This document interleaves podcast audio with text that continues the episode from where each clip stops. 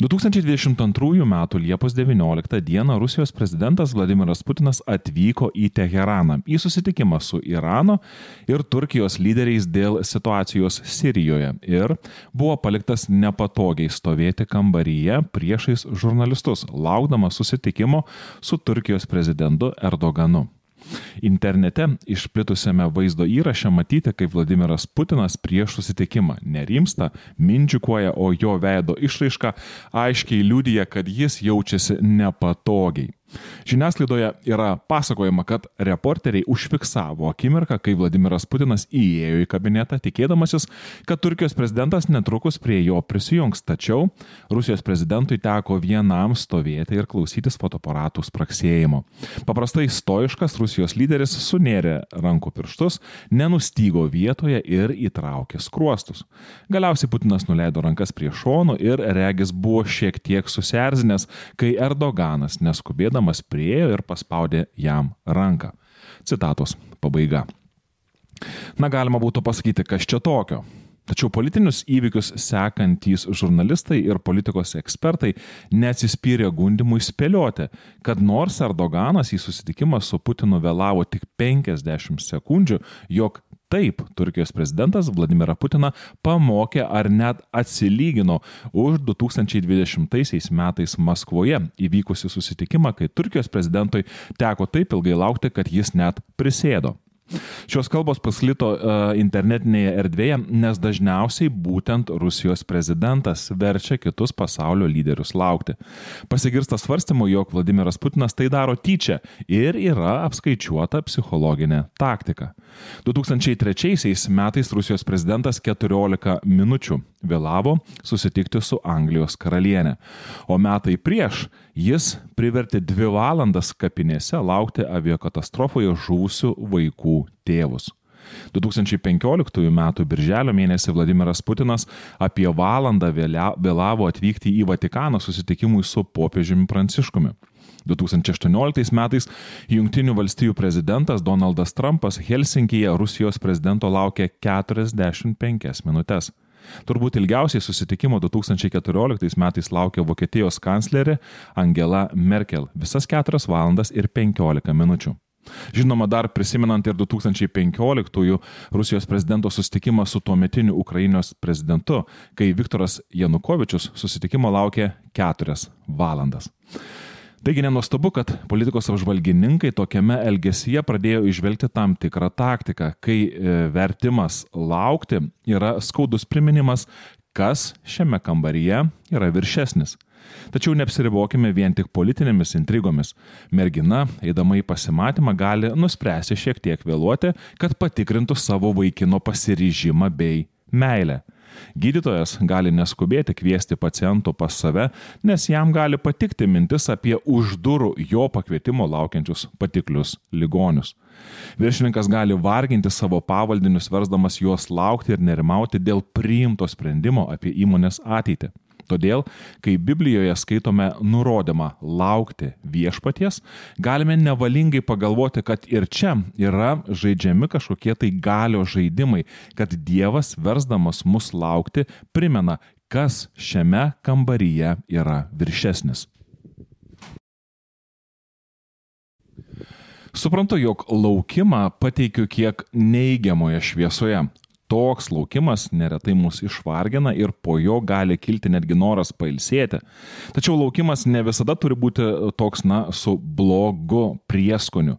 Kai moteris yra neščia, mes sakome, jog ji laukėsi ir mes apie naujos gyvybės ateimą į šį pasaulį nekalbame kaip apie laukimą kažko baisaus ar netikėto. Kai gydytojas žiūrėdamas į rengeno nuotrauką su palengvėjimu atsidūsta ir sako, dabar teks šiek tiek palaukti, kol viskas sugis mes šį laukimą priimame su viltimi ir džiaugsmu. Na ir kai laukdami svečių mes tvarkomės namus ir ruošiame vakarienę, mes tikrai atrandame, kad laukime yra savotiško žavesio. Laukimas yra dalis mūsų kasdienybės. Mes laukiame visur. Laukiame stovėdami automobilių kamštyje, laukiame parduotuvėje prie kasos, laukiame pensijos, kol baigsis neįdomus filmas ar kol prasidės egzaminas. Galų gale laukiame Jėzaus antrojo sugrįžimo ir visos žemiškos istorijos kulminacijos. Vargu ar mūsų kasdienis gyvenimas gali apseiti be laukimo. Kai Dievas sukūrė laiką, jis sukūrė ir laukimą.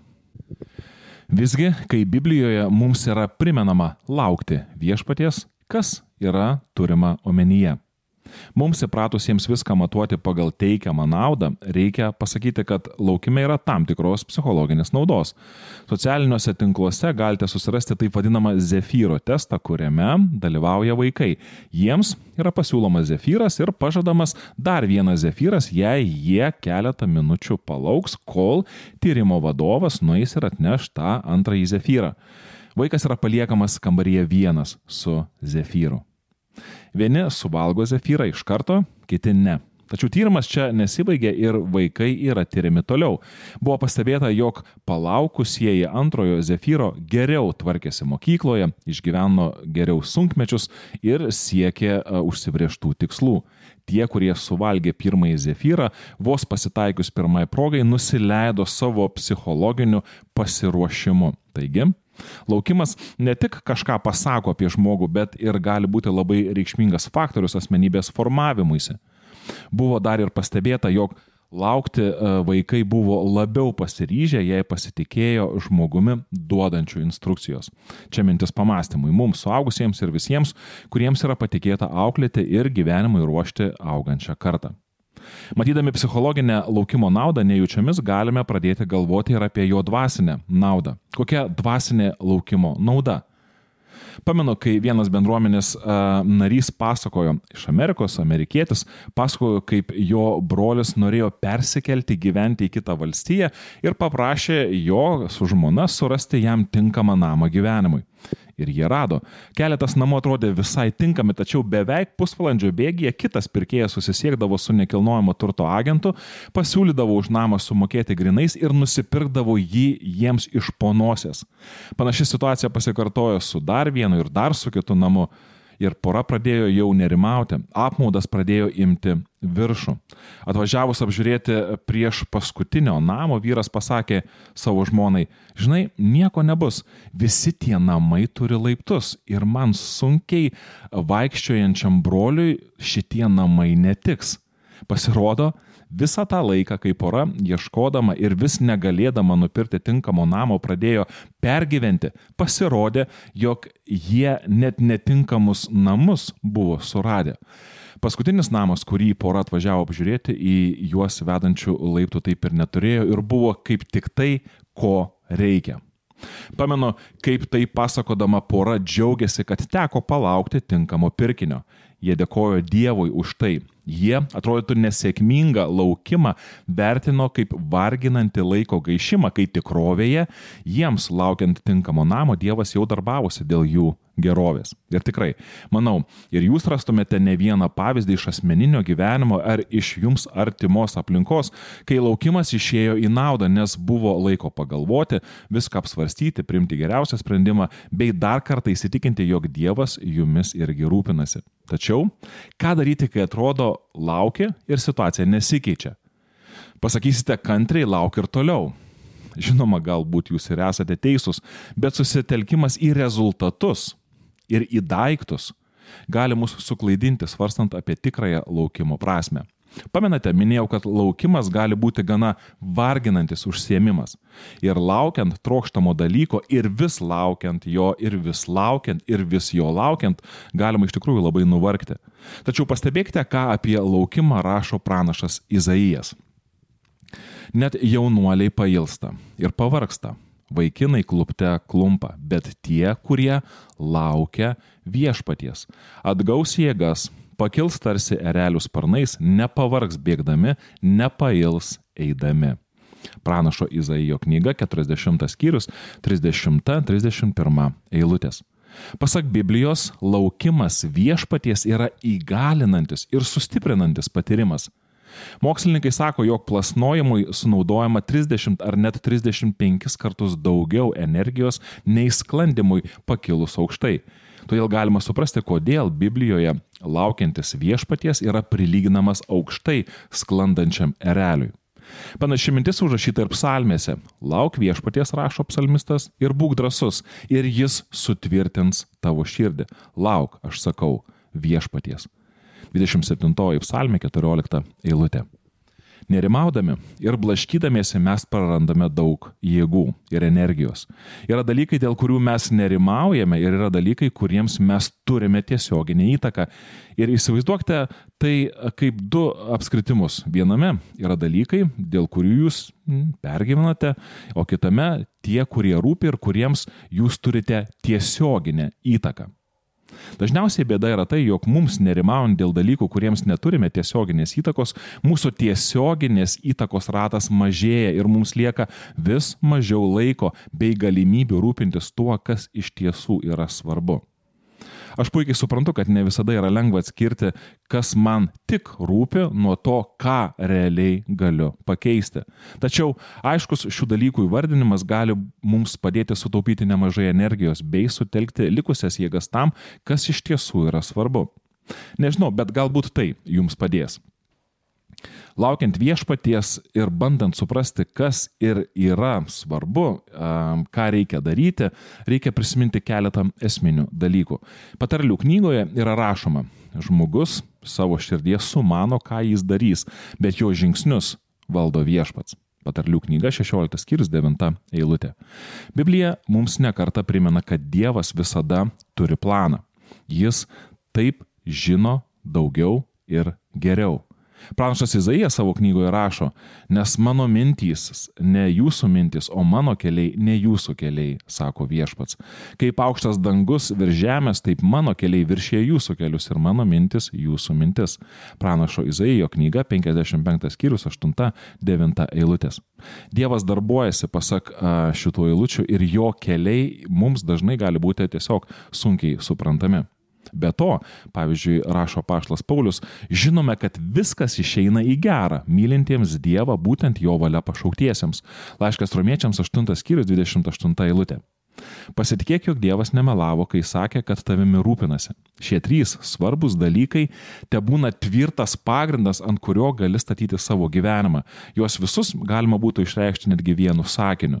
Dievas yra geras, ir jis turi planą, net jei jo veikimo iki galo nesupranti. Tai gali nepaprastai sustiprinti kiekvieną iš mūsų, bandant suprasti, kas ir kodėl vyksta mūsų gyvenime.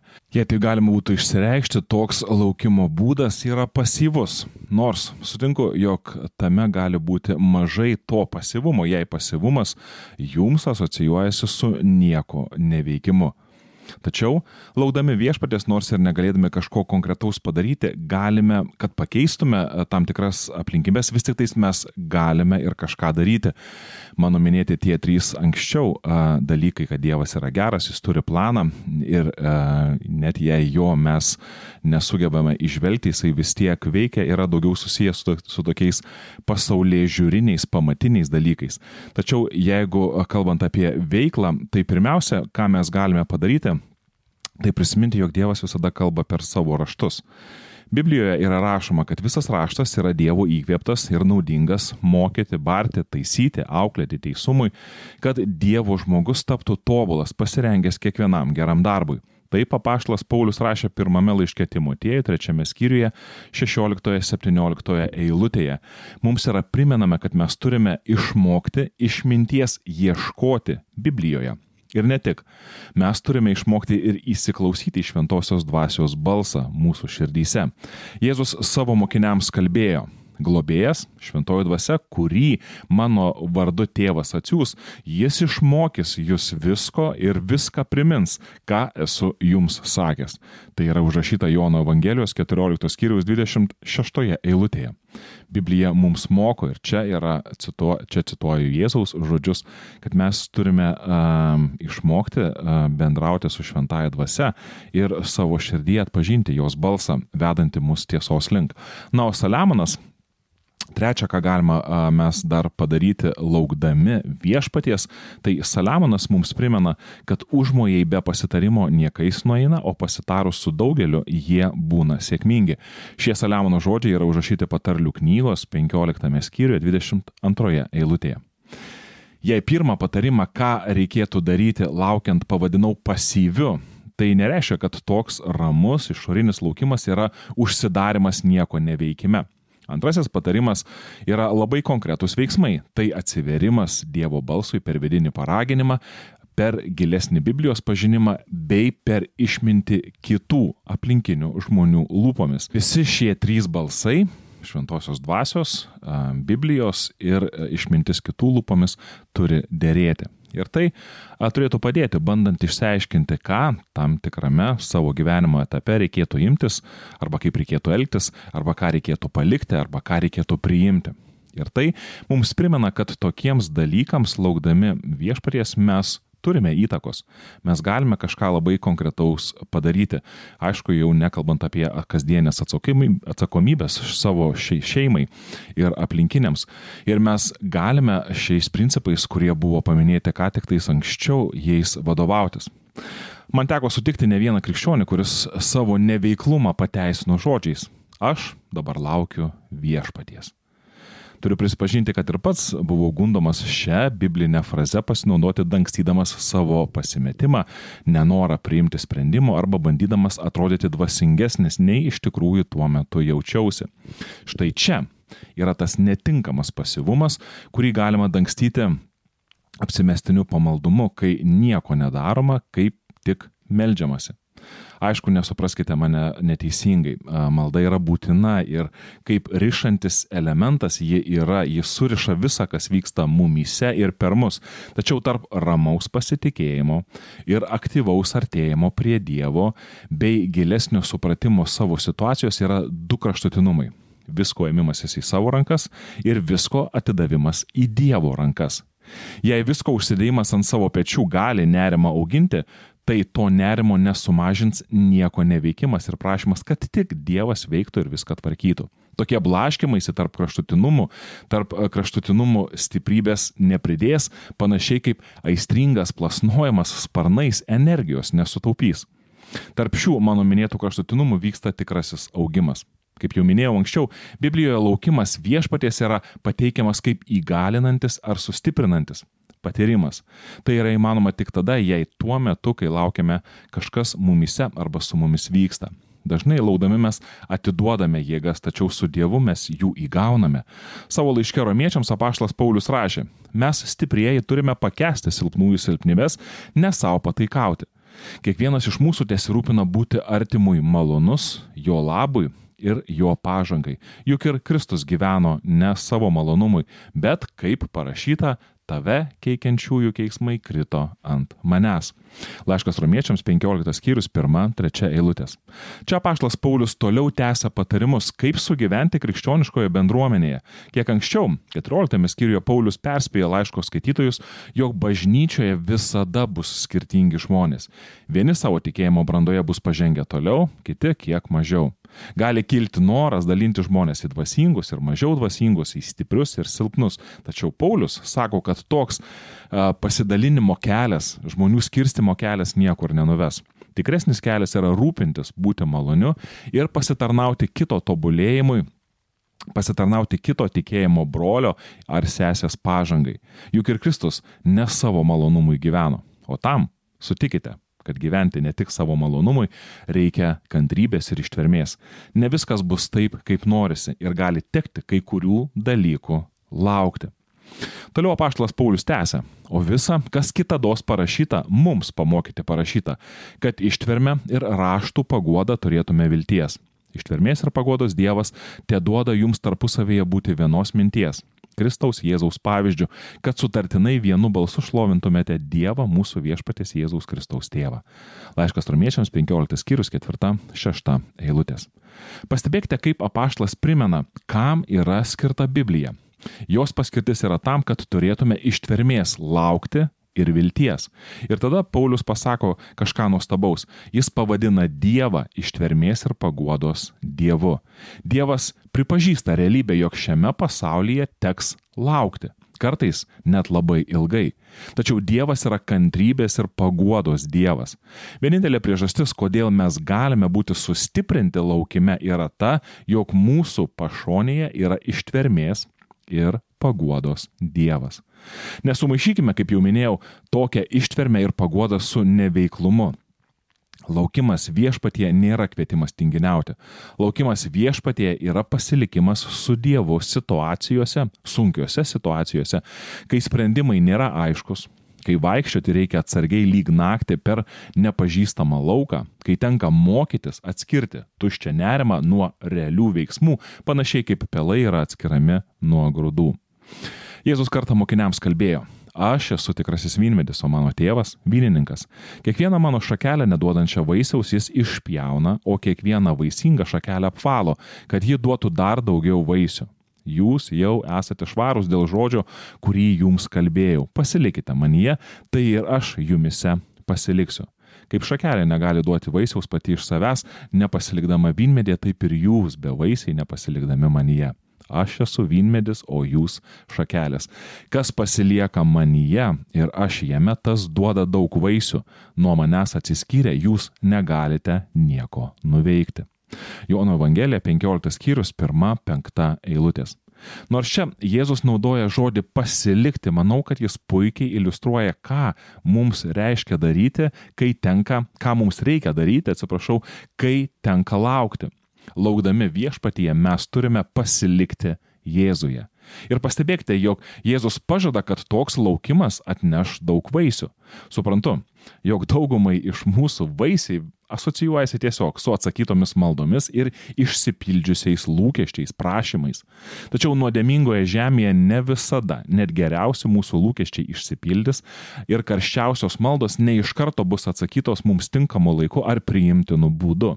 Greičiau, laukiant viešpaties, mes jėgų gauname ne dėl to, kad gauname tai, ko norime, ar viskas susiklosto geriau nei mes tikimės. Mes jėgų gauname, nes pasiliekame su Dievu. Tik taip mes galime išlikti stiprus ir nepalūžę, net jei procesai vykstantis aplink yra didesni nei mūsų gyvenimai. Pasilikti su Dievu mes galime tik tuo atveju, jei manome, jog su juo laukti yra geriau ir laukti viešpaties mes galime tik tada, jei laukiame su viešpačiu. Tai pasitikėjimų dalykas ir jei galima pasakyti, tai draugystės reikalas. Jei manote, kad šis pasidalinimas bus naudingas ir kitiems, pamėkite šį įrašą, tapkite šio kanalo prenumeratoriais ir jeigu turite galimybę ir remėjais. Ačiū Jums iš anksto ir tegul Dievas laimina kiekvieną, kuris atvira širdimi artinasi prie Jo.